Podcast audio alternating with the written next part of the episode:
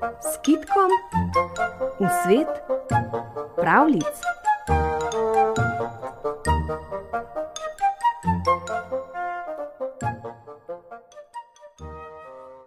Bila je tako huda zima, da je drevje pokalo, in v gradišču je imela lisica svoj brlog. V vas je hodila na kokoši in jih je nosila noter v svojo luknjo. Ko je bila žejna, je hodila pa tja za gradišče v neko lužo pit.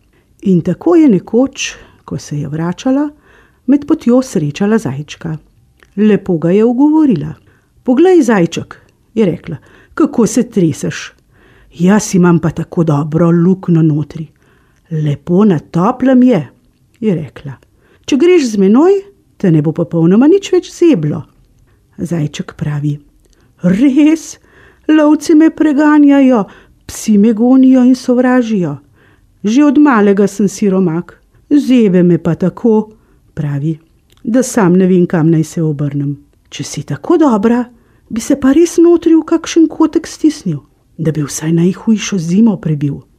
No, in gresta res noter, gresta v luknjo lisičijo. Tam pravi lisica zajcu: Kar tu k meni se ulezi, bova skupaj ležala in se bova grela. Ne, ne, pravi zajček. Jaz sem zadovoljen tudi, če sem čisto tu pri kraju. Ne, pravi lisica, kar k meni.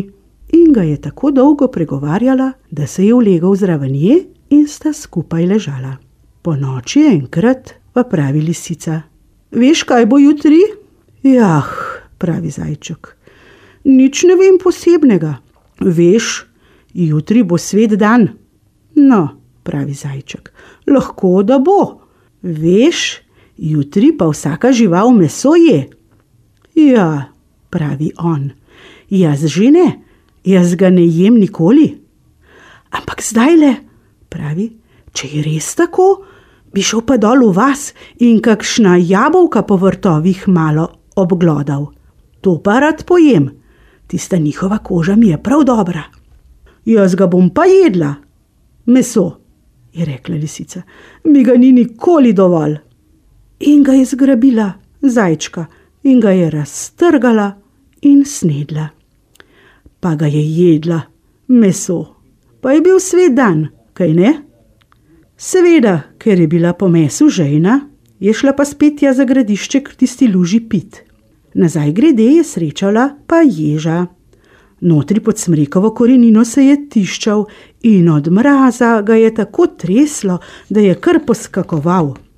Lisica, je rekel, bodi tako prijazna, vzemi me k sebi. Vem, da imaš dobro luknjo in da je toplo v njej. Lisica ga je pogledala in rekla: Ja, to že ne rečem, da te ne bi vzela, ampak ti si bodeč. Se bom pa v kakšen kotek stisnil in bom tam čepel, je rekel. Dobro, pa pridi. In tako sta šla skupaj v tiste skale in noter v luknjo. Lisica je imela notri vse lepo postlano, slame in suhe trave je nanesla, da je res lepo na mehkem ležala. No, je rekla Ježu, kar tja gor na skalo zlezi, tam čepi, sej si notri. In je šel na skalo in čepel na njej. Lisica je lepo zaspala, on pa ne. Nekaj časa je gledal naokrog, potem pa se je zvil v klopčič in se zatrkla v lisici naravnost v gobac. Pošteno jo je zbodel. Lisica je skočila, da ga ugrizne, se je zbodla pa še sama. Veš kaj, ješ, je rekla, tako pa ne bo šlo. Rekla sem, bodi tam na skali da si niti enkrat več ne drzneš priti sem na posteljo.